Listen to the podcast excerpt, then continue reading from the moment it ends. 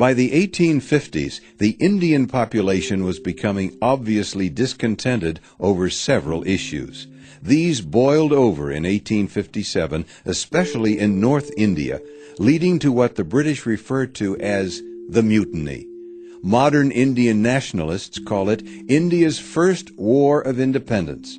As early as 1817, Sir Thomas Munro, the governor of Madras, seemed to locate the root cause of later troubles. The advantages of British rule are dearly bought.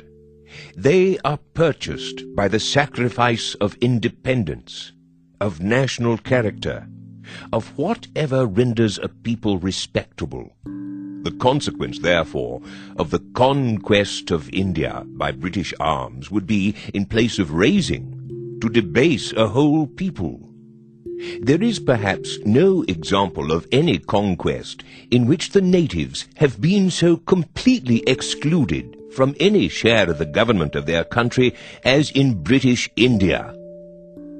Only a few regions of the country and only part of the population involved themselves in the mutiny, so it really cannot be classified as a war of independence. On the other hand, it was much more than a soldier's riot, which the word mutiny implies. The first signs of trouble occurred when Indian soldiers in East India Company's army refused to obey orders. They sometimes would kill their officers, loot markets, and then run off. Several Indian regiments in this army were stationed in Meerut, a town in northern India about 40 miles east of Delhi. The soldiers there had several grievances. Many had been recruited as warrior peasants from the independent kingdom of Oudh. And in 1856, the British annexed Oudh and exiled its ruler. The soldiers could only grumble at this tampering with the status of their homeland. But more immediately, the Army was introducing a new Enfield rifle. Part of the loading procedure for this weapon required the soldier to bite off the end of a paper cartridge containing gunpowder and a bullet. After pouring the powder down the rifle barrel, the soldier then rammed in the bullet, and the paper of the cartridge was greased to make the ramming easier. A rumor spread that these cartridges were covered with either cow fat or pig fat. Both Muslim and Hindu soldiers were convinced these cartridges were part of a plot to make them impure in the eyes of the faithful. Such impurity would require followers of either faith to convert to Christianity. The British had robbed them of their homeland, and now the soldiers believed that the British wanted to take away their religion as well. Individual soldiers and entire regiments refused to accept the new rifles, and the British imposed stern punishments. They dismissed some of the recalcitrant troops, depriving soldiers of their income. Some were put in chains and imprisoned. At Meerut, this smoldering resentment erupted on a Sunday in May 1857. Indian regiments were drawn up to witness their comrades being punished, while the European troops of the garrison were off at church services. Faced with humiliation, the Indians attacked their officers, released the imprisoned soldiers, and began marching to Delhi. In all the confusion, common criminals in the Meerut Bazaar saw a chance for plunder. They attacked the shops of the market and looted several British homes. During the chaos, a number of British women were raped and murdered. These were only the first of many atrocities committed by both sides during a conflict that would last nearly two years. The commander of the Meerut garrison, an old man, had a fit when he heard of these incidents. He fell into a stupor, during which he issued no orders. Equally old and infirm subordinates failed to take action. As a result, the rebels escaped to Delhi, the British had only a token force at Delhi. This was a mark of respect for the Mughals, who now were merely pensioners of the East India Company. The rebels quickly defeated this small British force, then fled to the palace to plead their case with the Emperor Bahadur Shah II. Bahadur Shah was aged and enfeebled. Some say he was senile. At the sound of the rebels breaking in, Bahadur Shah hid in a closet.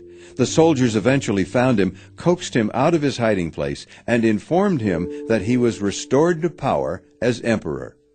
Whether consciously or unconsciously, willingly or unwillingly, Bahadur Shah became the chief symbol of the rebellion. Under his name and imperial seal, many declarations were made, including the following. It is well known to all that in this age the people of Hindustan, both Hindus and Muslims, are being ruined by the tyranny and oppression of the infidel and treacherous English. It is therefore the bounden duty of all the wealthy people of India to take their lives and property for the well-being of the public.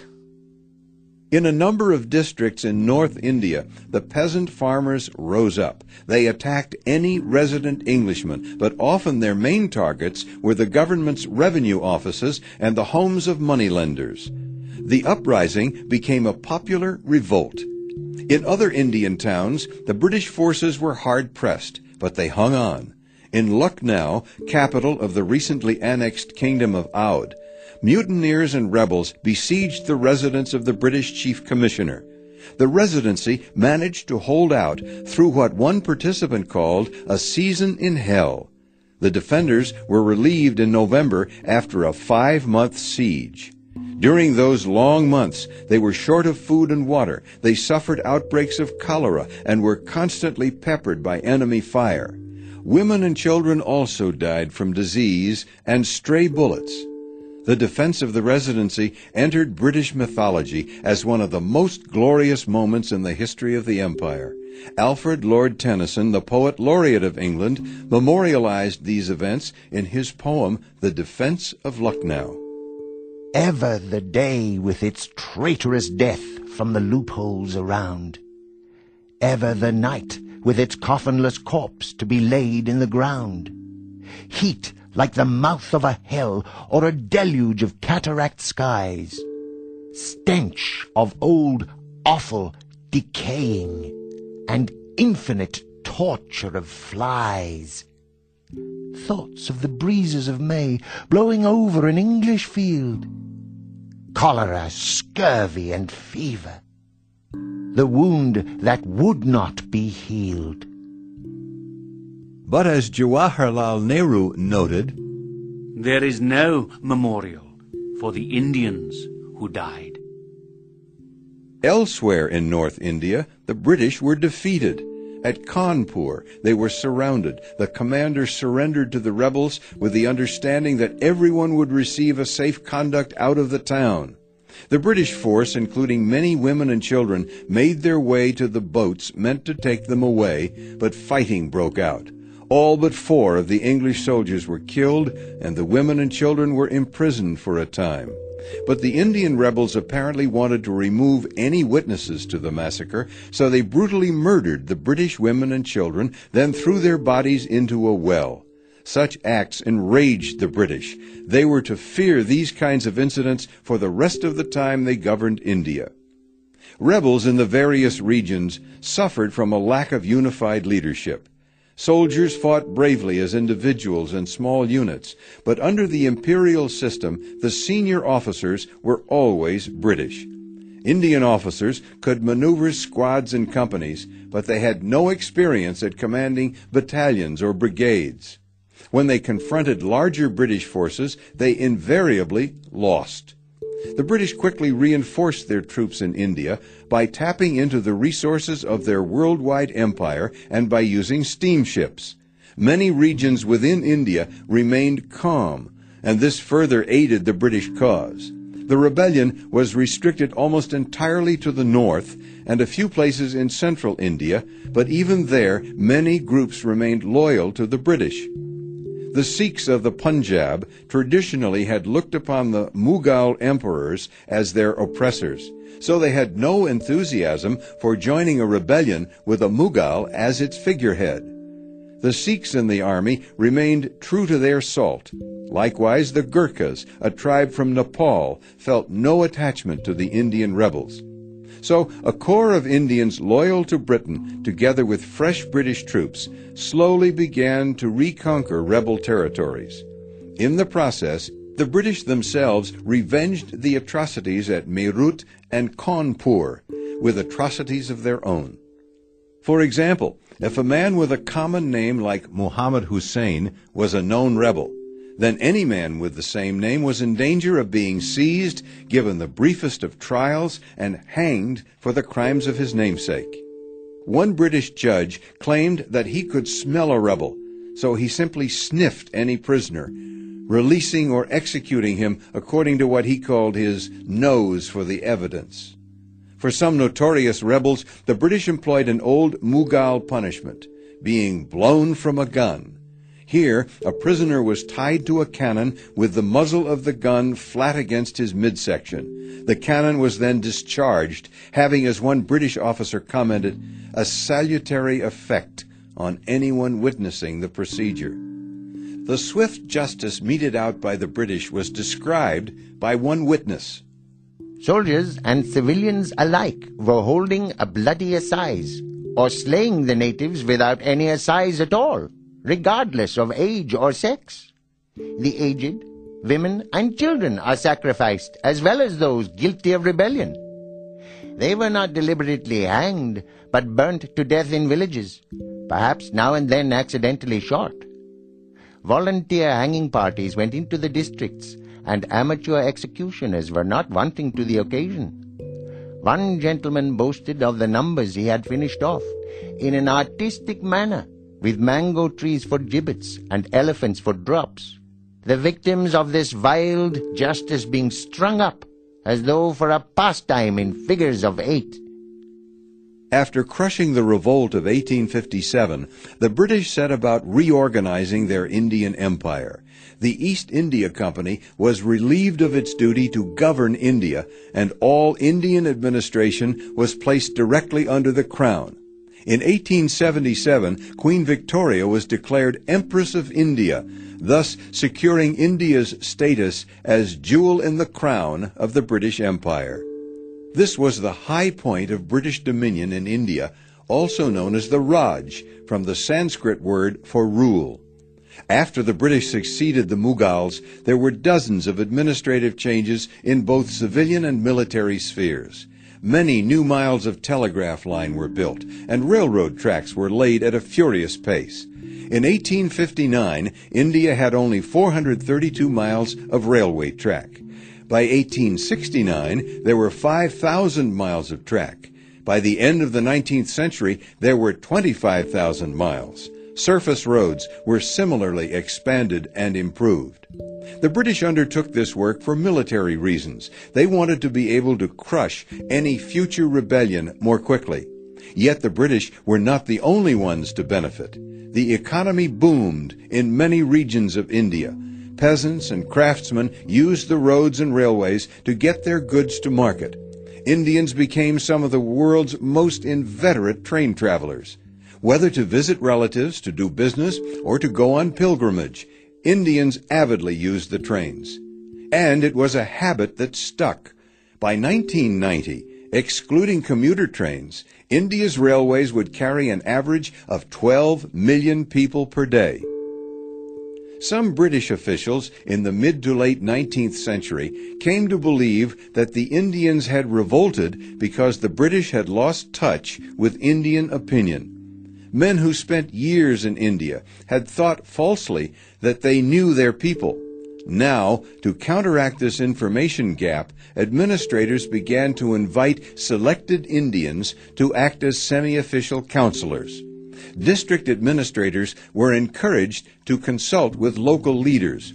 The British often asked government employees, wealthy merchants, or other notables to provide information. These people were perhaps not representative, but the Indians were able to begin participating in Britain's imperial government. A man named Sayyid Ahmad was a good example of the kind of individual the British favored. Born in 1817, Sayyid came from a prominent family of Delhi.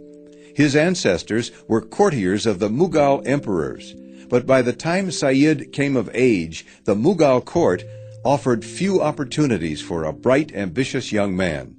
Sayyid Ahmad's uncle worked for the British as a subordinate judge, so the young man sat in his uncle's office learning government procedures by observing them. Eventually, Sayyid Ahmad gained employment with the British, serving as a district judge until he retired in 1876. The revolt of 1857 presented a turning point in Sayyid Ahmad's career. During the struggle, he remained absolutely loyal to the British. He even risked his own life to save a number of Englishmen and his district's cash box. He expressed no sympathy for the rebels, and he actually praised the benefits of British rule. The turmoil of violence which happened was only a punishment for the ungratefulness of the Indians. In India, people are not at all accustomed to learn about former times from the facts of history nor from reading books.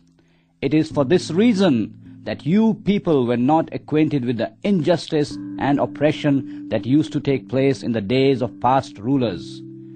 If you had been acquainted with the injustice and excesses of past days, you would have appreciated the value of English rule and given thanks to God. Even before the revolt, Sayyid Ahmad had been noticed by a number of his British superiors. Apart from his abilities as a judge, he was a scholar and religious reformer. His fame from the revolt only enhanced the respect some administrators already had for him, and Sayyid reached the topmost rungs of Britain's imperial system. When he visited England in 1869, he was introduced to Queen Victoria and the Prince of Wales. In the same year, the British awarded Sayyid Ahmad the rank of Commander in the Order of the Star of India.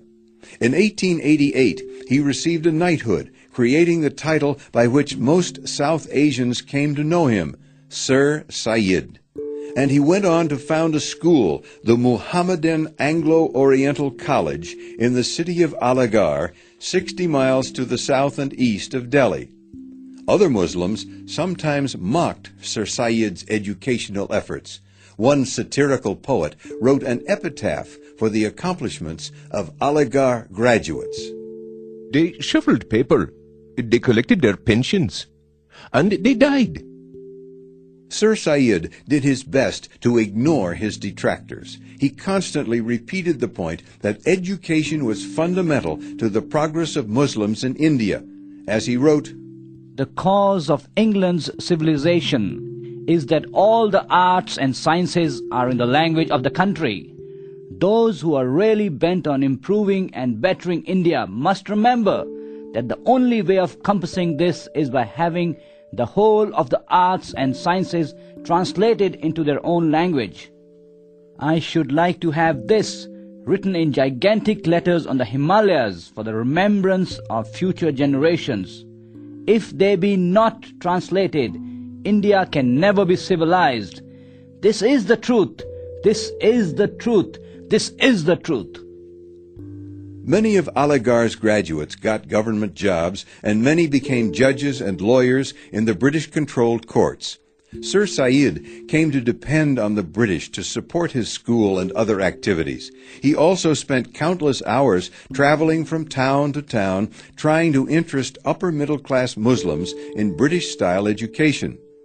To some extent he succeeded. Many of these families sent their sons to Aligarh. As Sir Syed traveled from one speaking engagement to another, he began to perfect an Urdu rhetorical style, which had applications to the political scene. Persian, not Urdu, had previously been the language of serious discourse. Urdu had been a vernacular whose poetry was much prized, but until Sir Sayyid's day, no one used it for political oratory. Sir Sayyid was not alone in his efforts. Other would-be politicians were taking the stage. At first, they mostly were interested in specific causes, in education, in social reform, in local affairs. These would-be Indian politicians were usually moderate, and they frequently proclaimed their loyalty to the British. But by the end of the 19th century, their attitudes had started to change.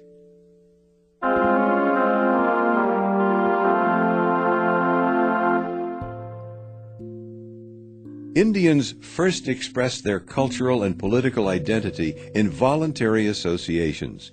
One of the earliest of these associations was the Brahmo Samaj, the Society of God. founded in Calcutta in 1828. This society's members were well-to-do and well-educated in both Bengali and English. They discussed theology and philosophy, seeking to give a common understanding to disparate Hindu beliefs and practices. They hoped this would counteract the criticisms of Christian missionaries.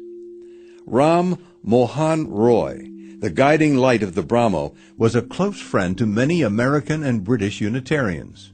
The Brahmo Samaj thus fostered a Hindu theology that in many ways resembled Unitarian beliefs. Keshub Chunder Sen, the grandson of a friend of Ram Mohan Roy, stated the case against missionary criticisms. Europeans and natives of India are both the children of God, and the ties of brotherhood should bind them together. Extend then to us, O you Europeans in India, the right hand of friendship, to which we are fairly entitled. If, however, our Christian friends persist in insulting our nationality and national character, and in distrusting and hating Orientals, let me assure them that I do not in the least feel dishonored by the imputations. On the contrary, I rejoice. Yes, I am proud that I am an Asiatic. And was not Jesus Christ an Asiatic? The Brahmo Samaj and other 19th century organizations addressed a number of social concerns. They worked to abolish the Hindu practice of child marriage, where boys and girls could wed even when they were seven or eight. The young man and wife did not live together until they reached puberty, but they were still bound by the vows of marriage. If the boy died, the little girl became a widow. Hindu custom, especially among the upper classes, forbade the remarriage of widows.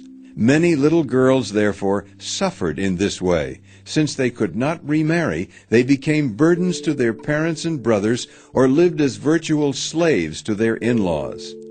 Sati was another of India's most notorious social traditions. The word sati means virtuous woman, and the social norms of a sati demanded that a wife should be totally devoted to her husband. At his death, rather than face a widow's miserable existence, she should prove herself to be a virtuous woman by lying on her husband's funeral pyre and being immolated.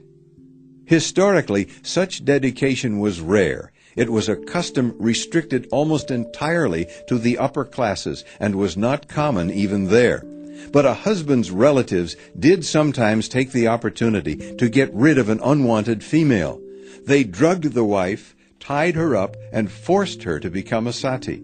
The British forbade the custom, and Indian reformers joined them in condemning it. Indeed, Ram Mohan Roy wrote vigorously in defense of women's equality. Women are, in general, inferior to men in bodily strength and energy. Consequently, the male part of the community, taking advantage of their corporeal weakness, has denied to them those excellent merits that they are entitled to by nature, and afterwards are apt to say that women are naturally incapable of acquiring those merits. As to women's inferiority in point of understanding, when did males ever afford them a fair opportunity of exhibiting their natural capacity? The Brahmo Samaj also took the lead in reinterpreting India's religious history. While Hindus and Muslims generally had lived in peace, some Hindu thinkers started to blame the Muslims for a whole range of religious and social ills.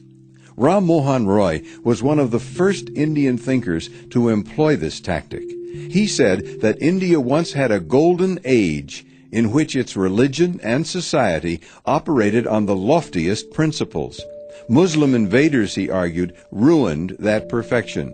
He blamed Muslims for the evils of idolatry, child marriage, and widow burning. His approach was ironic since Roy was educated in Muslim schools and was well acquainted with Muslim theology. Indeed, most of the Hindus in Calcutta rejected Roy's theology, and his friends were almost all Muslims. but Roy nevertheless began a practice that has continued. Hindus build their self-esteem by attacking Muslims. Roy probably never realized that he was pursuing a line that would have such fatal consequences. In Bombay, India's commercial metropolis, many organizations were created to promote sectarian religious interests. But the city's wealthy merchants came from all major religions. They formed political associations involving all the merchant elite, regardless of their faith. Bombay, for example, was the home of the grand old man of Indian nationalism, Dadabhai Naoroji. Naoroji belonged to the Parsi community, which was descended from 9th century Zoroastrian refugees from Persia. In other words, the Parsis were descendants of those who followed the ancient Persian religious prophet Zoroaster. The Parsis did well in Bombay, acquiring wealth and status as some of the city's greatest merchants. Naoroji was one of the first Indians to protest what became known as the drain. This was the British government's constant use of Indian resources, especially its silver currency, to finance projects that did not benefit India. The Second Afghan War of 1878 was but one example. Many Indians criticized the British government for using Indian funds to support an imperial military adventure. The following complaint is typical. All attention is engrossed in devising new modes of taxation without any adequate effort to increase the means of the people to pay. Financial relations between England and India are inequitable. There is a political debt of 100 million pounds clapped on India's shoulders, while the British Exchequer contributes merely 3 million pounds to the expenses of the colonies. Naoroji also was a unique Indian politician for another reason.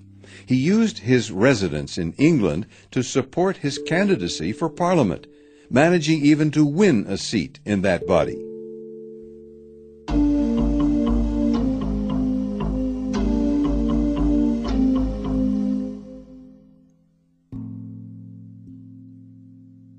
India's various local associations became more broadly organized when they joined to create a political organization called the Indian National Congress.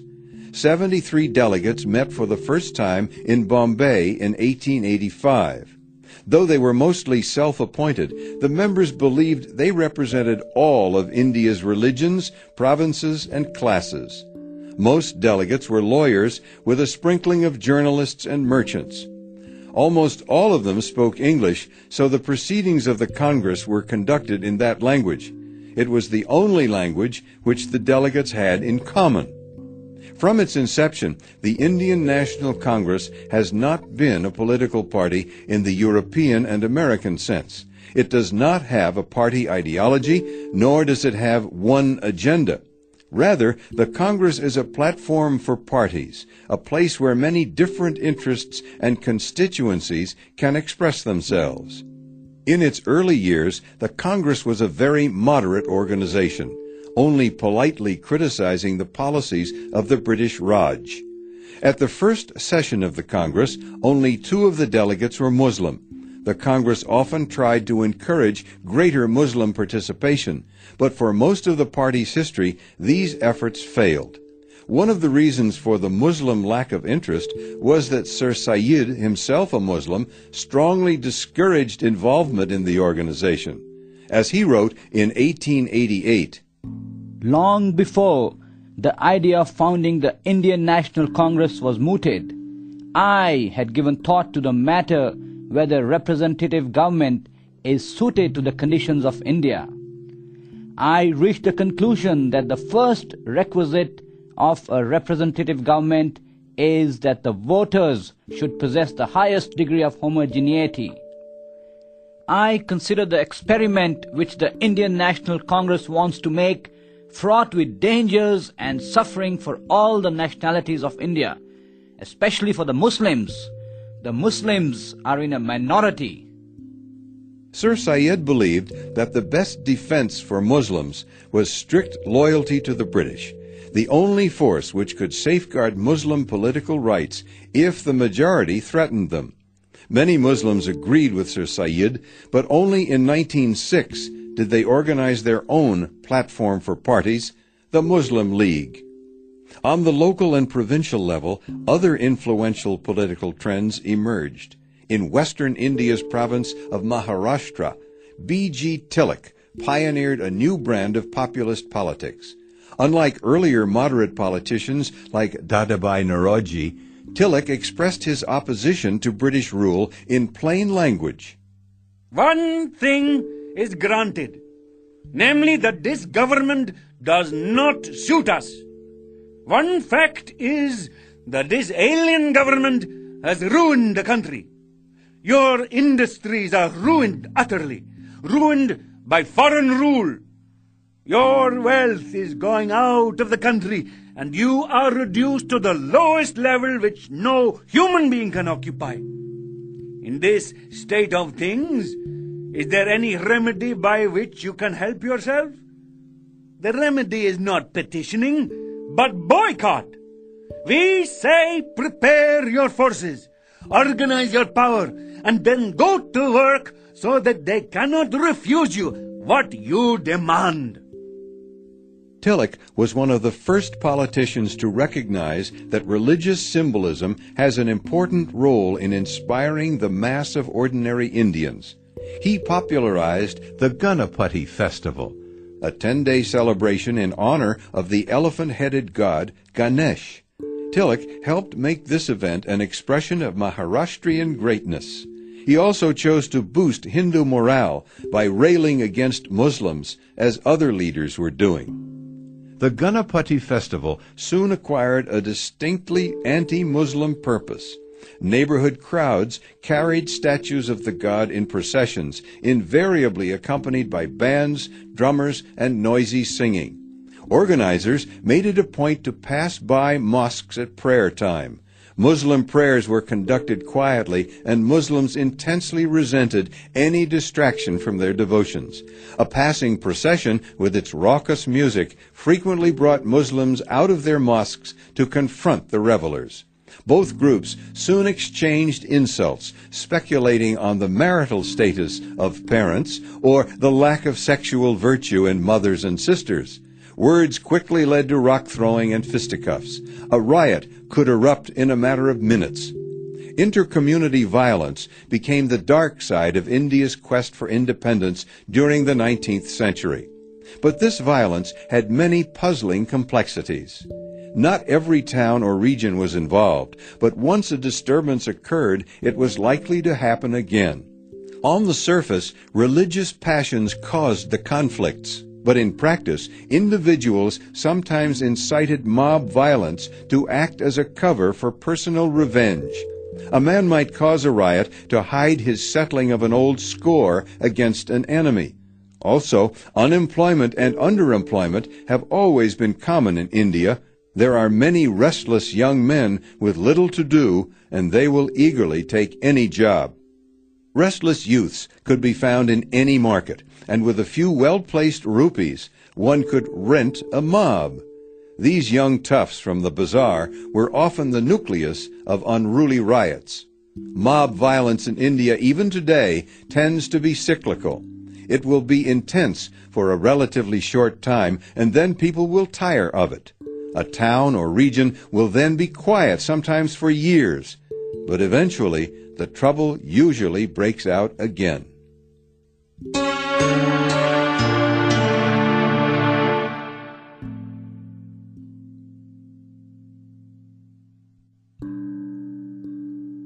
World War I marked a real turning point in India's history. At first, many prominent Indian politicians wholeheartedly supported the British. Among them was a rising star named Mohandas K. Gandhi. Gandhi, a lawyer trained in London, had made a name for himself leading protests against the poor treatment of Indians by the white settlers of South Africa. In South Africa, he had perfected the tactics of non-violent protest, including hunger strikes, courting arrest by defying the law, and accepting physical punishment for lawbreaking. Gandhi returned to India in 1914 after a long absence, and he joined the other leaders in supporting the British war effort. He and others said that Britain's trouble should not be the occasion for India's political profit. Gandhi encouraged men to volunteer for the army, sold war bonds, and gave patriotic speeches. During the war, soldiers of the Indian Army fought in every major campaign. They were in the trenches of France, but they were most important in the battles against the Ottoman Turks in the Middle East. Though their contributions were important, Indian soldiers suffered from a number of disabilities not imposed on their British counterparts. Only the British troops received adequate rations and medical treatment. Many Indians died because they were denied proper food or access to hospitals. Still, Indian politicians tolerated such things in the hope that the British would appreciate India's contribution to the war effort.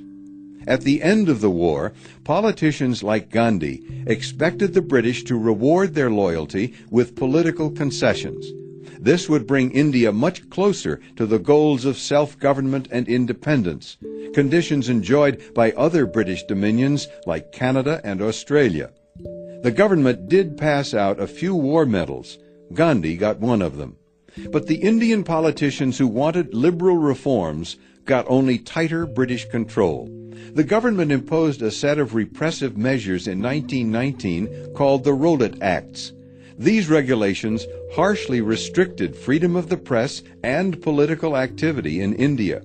They allowed imprisonment without trial for political offenses, and they gave wide powers to the British bureaucracy to stifle almost all forms of dissent. Gandhi and other leaders began to organize a massive protest. Gandhi explained his conversion from loyalist to rebel. I was a loyalist because I implicitly believed that the sum total of the activities of the British Empire was good for India and for humanity. After the outbreak of the war, I plunged into it. I led a recruiting campaign at the risk of my life and to the horror of some of my friends. The disillusionment came in 1919 after the passage of the Black Rowlatt Act and the refusal of the government to give the simple elementary redress of proved wrongs that we had asked for. And so, in 1920, I became a rebel.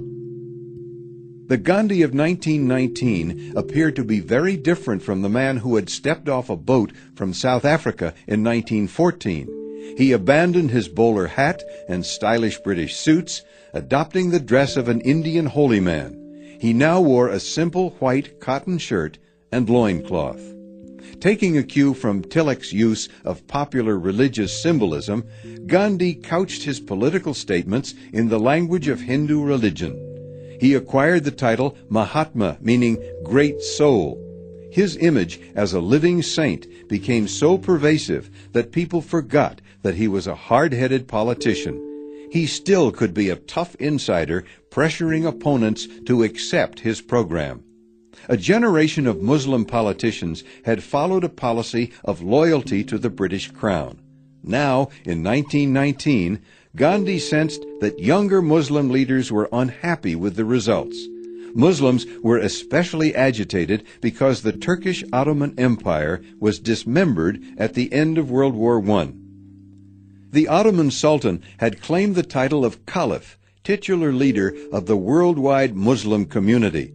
Now the Caliph was defeated. Gandhi engineered an alliance between the Indian National Congress and a group of young, rising Muslim leaders. He brought these Muslims into the Congress Party, inaugurating one of the few periods in which that party enjoyed substantial Muslim support. Using this Muslim influence, Gandhi persuaded the Congress to support what was called a non-cooperation movement. Gandhi encouraged all Indians to boycott British goods, and he linked it to the Muslim struggle to protect the caliphate. As early as 1907, Aurobindo Ghosh outlined the elements of this tactic. We would not only buy our own goods, but boycott British goods. Not only have our own schools, but boycott government institutions. have nothing to do with the bureaucratic executive except when we cannot avoid it. At present, the boycott is confined to British goods and aimed at the British merchant, and only indirectly at the British bureaucrat. We should aim it directly, both at the British merchant and at the British bureaucrat who stands behind him and makes possible the exploitation by the merchant. Gandhi's own homespun clothing now became a symbol of protest. A new rallying cry emerged. Do not buy British cloth or yarn, instead spin your own. The papers reported that Gandhi spent an hour or two every day spinning his own thread. The simple spinning wheel now symbolized the Congress Party. Millions of Indians began spinning at home, though most of their thread proved useless, and British cloth continued to sell at near normal levels. The leaders of the non-cooperation struggle made other defiant gestures toward the British. Gandhi and others returned their imperial medals and awards. They urged people to refuse to pay taxes and to avoid using the law courts. Indian politicians finally were sensing the power of the Indian masses. These leaders previously had courted princes, big landholders, and merchants to gain financial support for the Congress. Now they appealed directly to the masses for contributions of a rupee or even a half rupee per person. The masses responded and the money rolled in.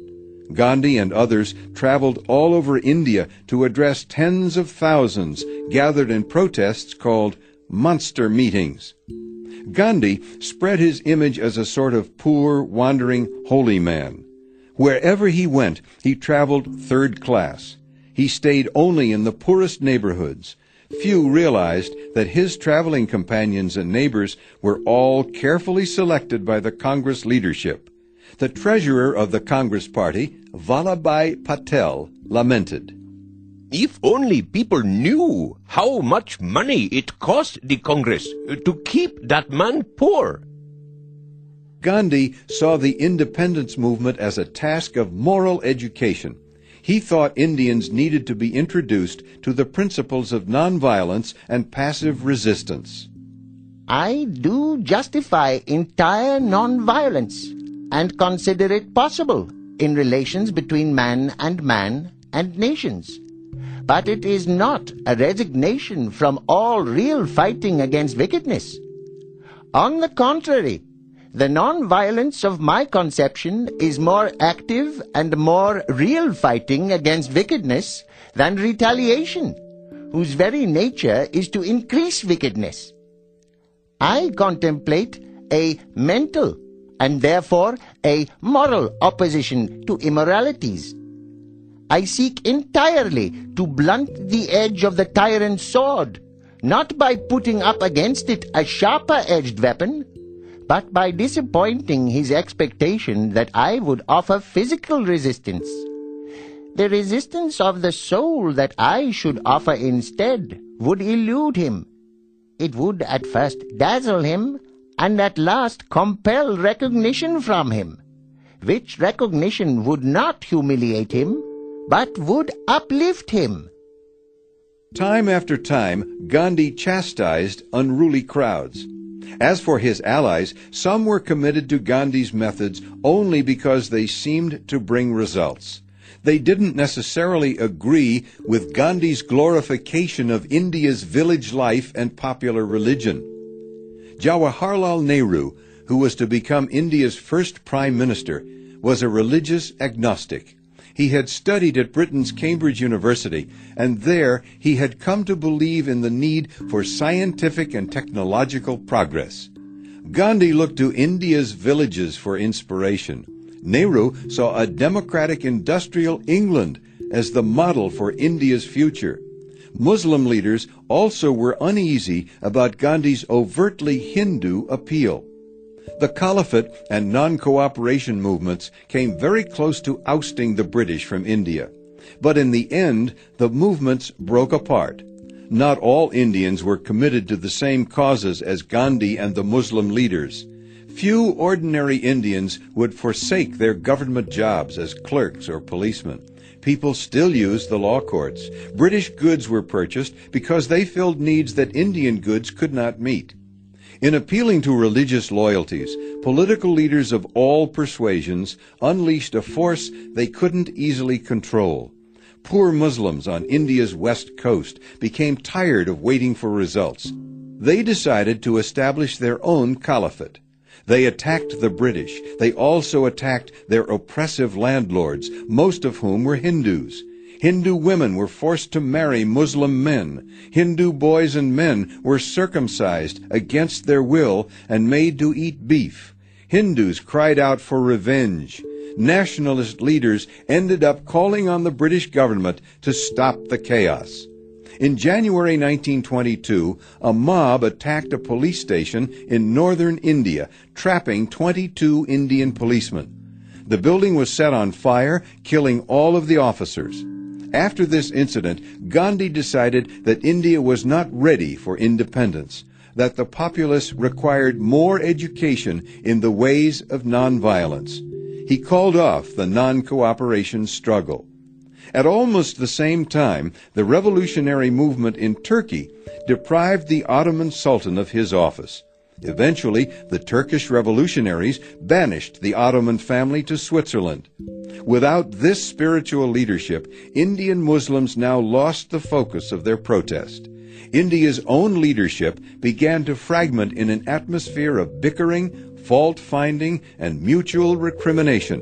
By 1924, the independence movement that had begun with so many high hopes was a shambles.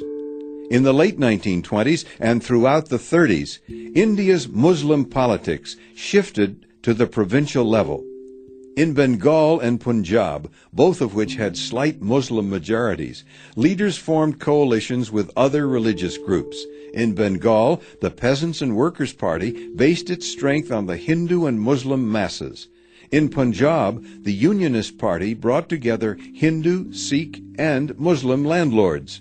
The British encouraged these provincial coalitions because they didn't seriously challenge British control over the whole of India. India's Congress Party continued to struggle for national independence, but the Muslim League very nearly became extinct. A number of controversies continued to prevent agreement between nationalists and Muslims. Most important was the question of reserving legislative seats for Muslims. It was proposed that candidates for these special seats would run in separate, specifically Muslim electorates. Muslim leaders were not so much concerned about provinces that had Muslim majorities. Rather, they worried about the provinces where Muslims were only 5 to 10 percent of the population. Here, Muslims demanded not only separate electorates, but also weighted representation. They wanted more seats than their numbers would give them in a strictly democratic system. Most members of the National Congress belonged to the majority, so they had little sympathy for the Muslim point of view. They refused to make concessions and sometimes would not even meet with Muslim leaders. Disinterest bred distrust, and distrust led to anger or fear. In that tense situation, Muhammad Ali Jinnah ended a self-imposed exile in London. In 1935, he returned to India. Almost single-handedly, Jinnah revived the Muslim League. Other Muslim leaders who had dominated the movement in the 1920s were now either dead or forgotten. Jinnah became the sole spokesman for a new Muslim political identity. The Muslim League fared poorly in the 1935 elections, the first held under a new British-inspired constitution. But Jinnah kept up the struggle, and he soon would benefit from an event wholly outside his control World War II. By 1940, the world was again engaged in a full-scale war. The British Viceroy declared that India would be in the war, but he failed to consult Gandhi, Nehru, or the other leaders of the Congress.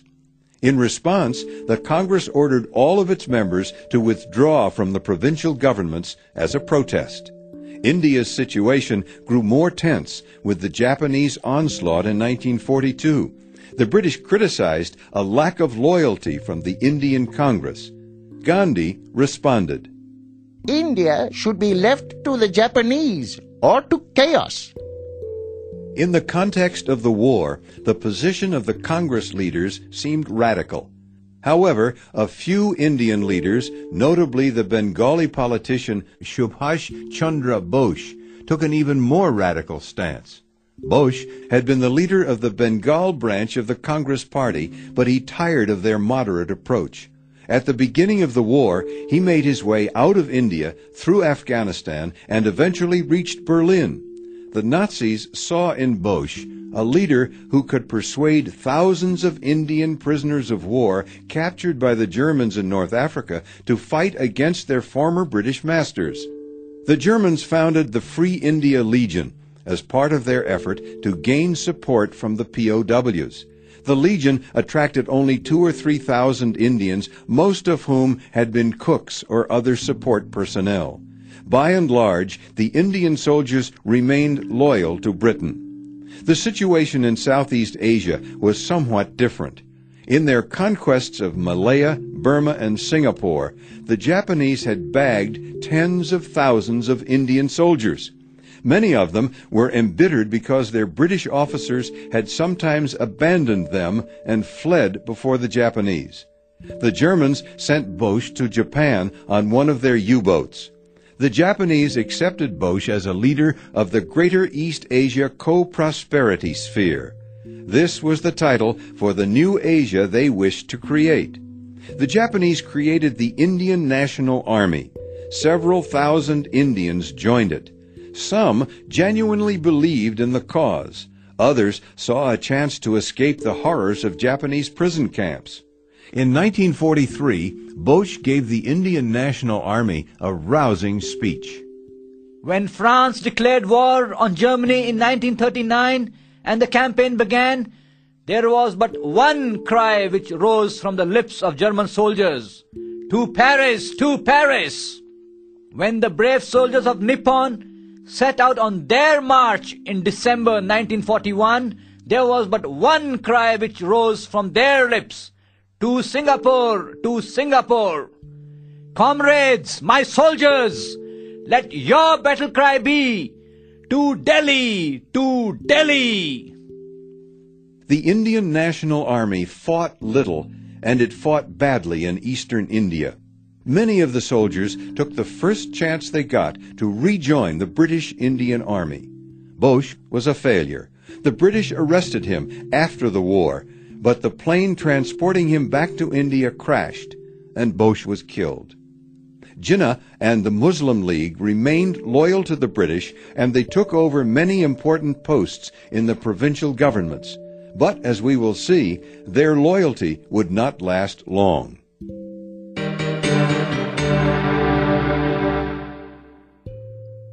By 1940, some Muslims had decided that the only way to guarantee their political rights was to demand an independent state. A young Muslim studying at Cambridge in England came up with a name for the country Pakistan.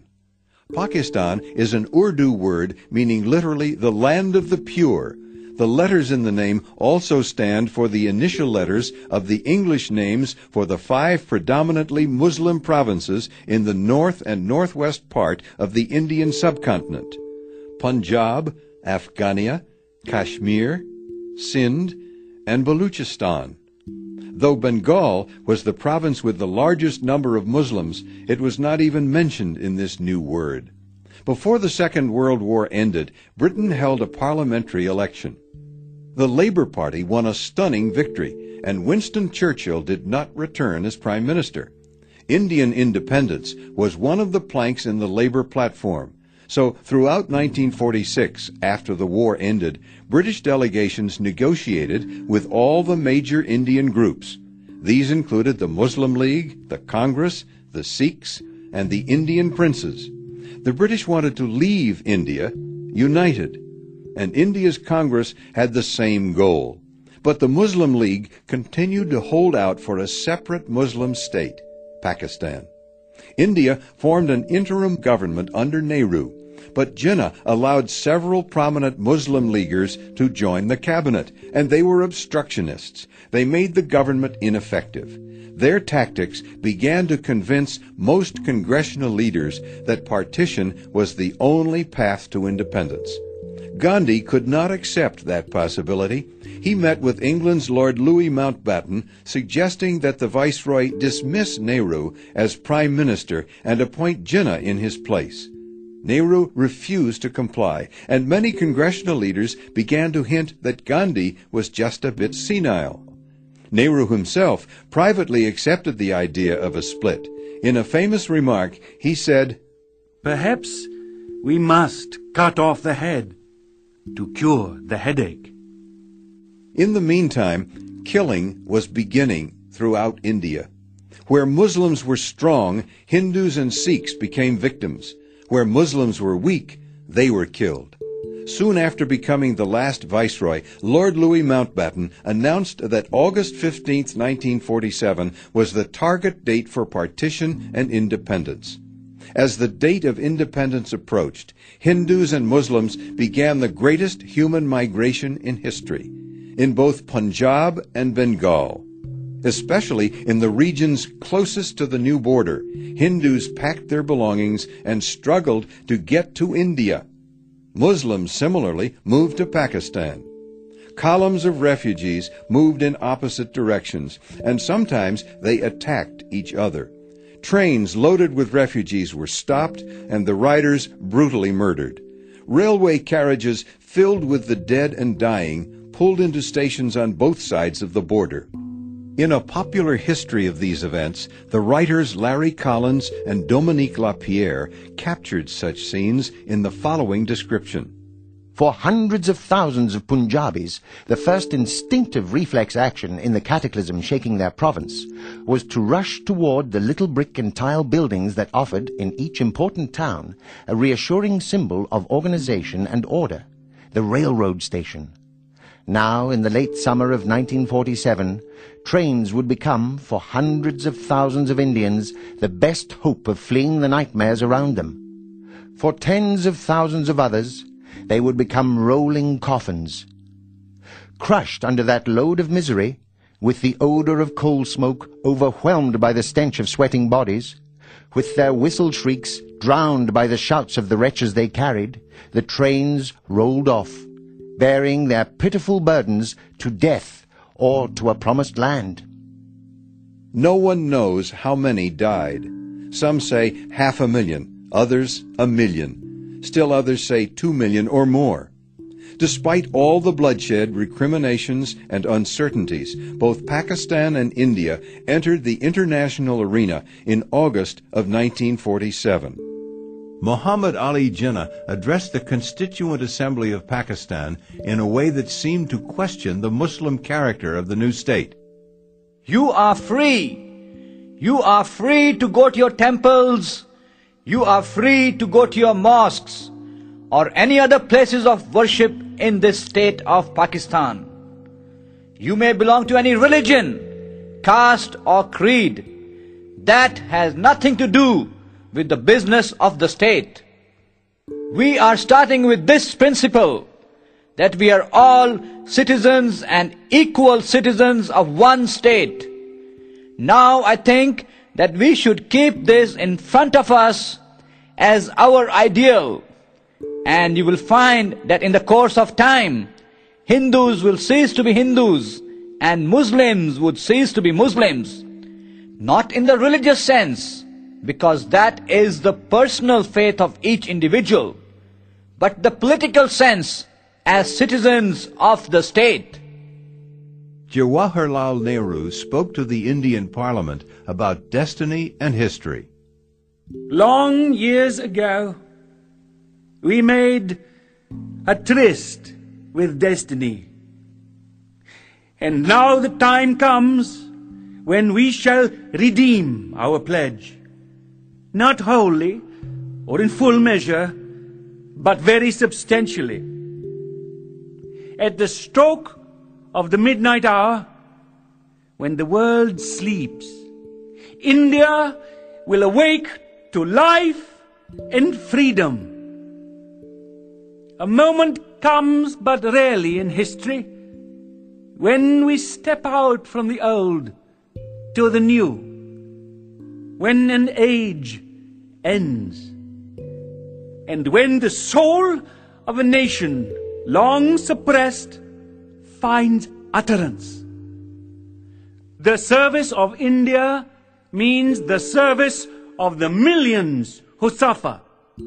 It means the ending of poverty and ignorance and disease and inequality of opportunity. Nehru described his goals by referring to the ambition of Gandhi. The ambition of the greatest man of our generation has been to wipe every tear from every eye. That may be beyond us, but as long as there are tears and suffering, so long our work will not be over. Neither side was happy with the terms of the partition. Jinnah referred to this moth-eaten Pakistan, but he could do little to challenge the final division of the spoils. Moreover, Jinnah was suffering from an acute case of tuberculosis, and it was to kill him within the year. In India, Gandhi tried to win the support of the Muslims. He expressed sympathy for Muslim victims of communal violence. But this earned him the contempt of Hindu extremists. They began to call him Muhammad Gandhi or Jinnah's slave. One young Hindu fundamentalist took these charges seriously. On January 30th, 1948, he stepped in front of Gandhi and fired five bullets into his chest. Muttering the name of one of the Hindu gods, Ram, Gandhi sank to the ground and died. For a time, the nation was so shocked that Gandhi's communal ideals retreated to the background. They would return to plague India when the mourning for Gandhi was finished. Mahatma Gandhi's death was only the first in a series of political murders that have plagued both India and Pakistan since their independence. In Pakistan, Liaquat Ali Khan, Jinnah's protege, was gunned down in 1951. In 1977, a military coup removed Zulfikar Ali Bhutto, and two years later he was hanged on a charge of planning the death of one of his rivals. General Zia-ul Haq, the man who overthrew Bhutto, died in a 1988 plane crash that most people believed to be sabotage. In India, Indira Gandhi was the daughter of India's first Prime Minister, Jawaharlal Nehru. She, coincidentally, had the married name Gandhi, but was not related to the Mahatma. She became Prime Minister in 1966, only to be shot and killed by two of her Sikh bodyguards in 1984. Her son Rajiv succeeded her and served as Prime Minister until 1989, but he too was assassinated when a bomb exploded at his feet during a 1991 campaign to again become Prime Minister. Tragically, political violence had become a way of life in 20th century India and Pakistan.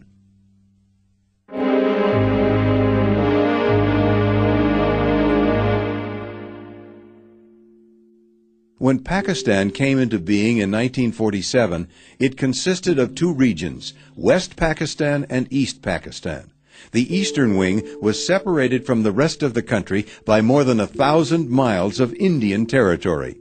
Moreover, most of East Pakistanis spoke the Bengali language, which was unrelated to the languages of the western portion of the country. East Pakistanis were Muslims, but they wrote their language in an Indian script, not the Arabic script used for Urdu, Punjabi, and the other West Pakistani tongues. Their culture was also quite different from that of their fellow countrymen. Political and economic tensions soon emerged between Pakistan's two branches. Most Pakistanis were the Bengali Muslims in East Pakistan, but they were not proportionally represented in the National Assembly, which met in West Pakistan. At that time, the Bengali wing produced the only Pakistani export that earned foreign currency, jute, a fiber used to make burlap and rope. Rather than using these foreign earnings to build East Pakistan's industries, West Pakistan milked the profits to further its own economic development. East Pakistanis became more and more alienated, and they began to think of themselves as a mere colony of the western section. This led to civil war in 1971. India decided to aid the East Pakistanis. Its army defeated the West Pakistani forces stationed in eastern Bengal.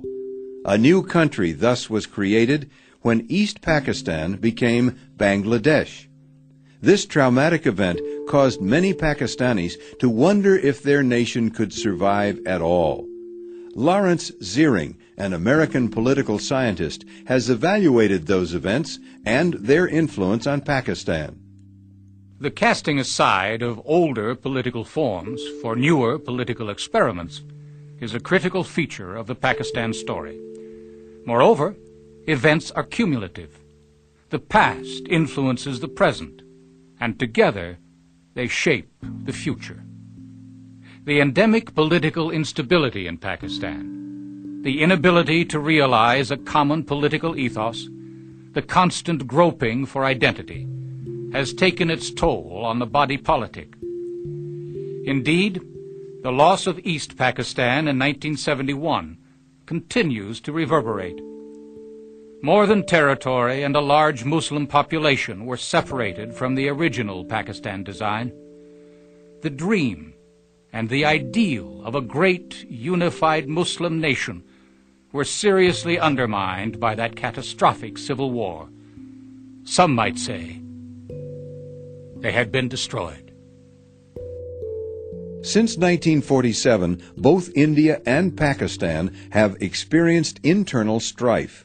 As both countries near the end of the 20th century, they face a broad array of domestic problems. Each has separatist movements based on political coalitions that tend to break down easily.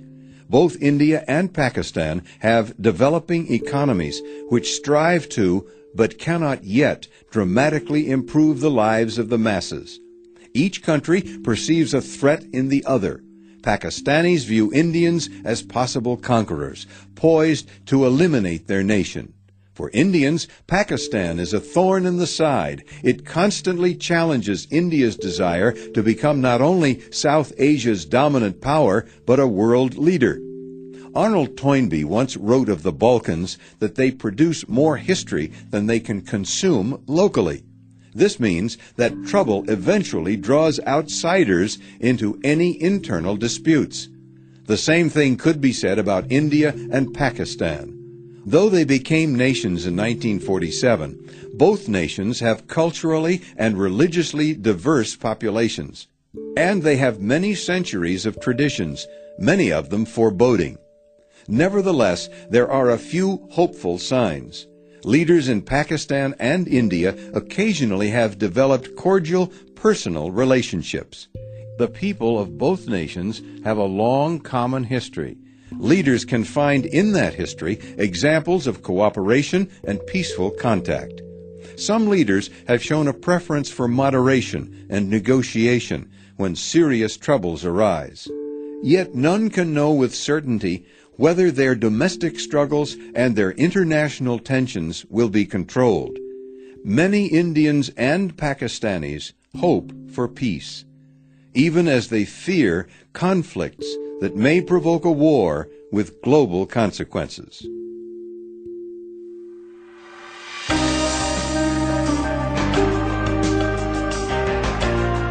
We hope you have enjoyed this presentation of India and Pakistan by Knowledge Products. The script for this presentation is by Dr. Gregory C. Kozlowski, Professor of History, DePaul University. The script is edited by Wendy McElroy and produced by Pat Childs. Vocal characterizations are by Rob Daniel, Charles Duval, Pat Childs, Jim Gossett, Travis Hardison, Sammy Ismail, Ghazi Khan Bill Kulki, Paul Meyer, Reza Ordubadian, Brigendra Prasad, and Amarjit Singh Shahid. Music is by Ralph Childs. Recorded at Audio Reader, New York Audio, and Archer Productions. This material may not be copied in whole or in part without the written permission of the copyright owner. Copyright 1992 by Carmichael and Carmichael Incorporated.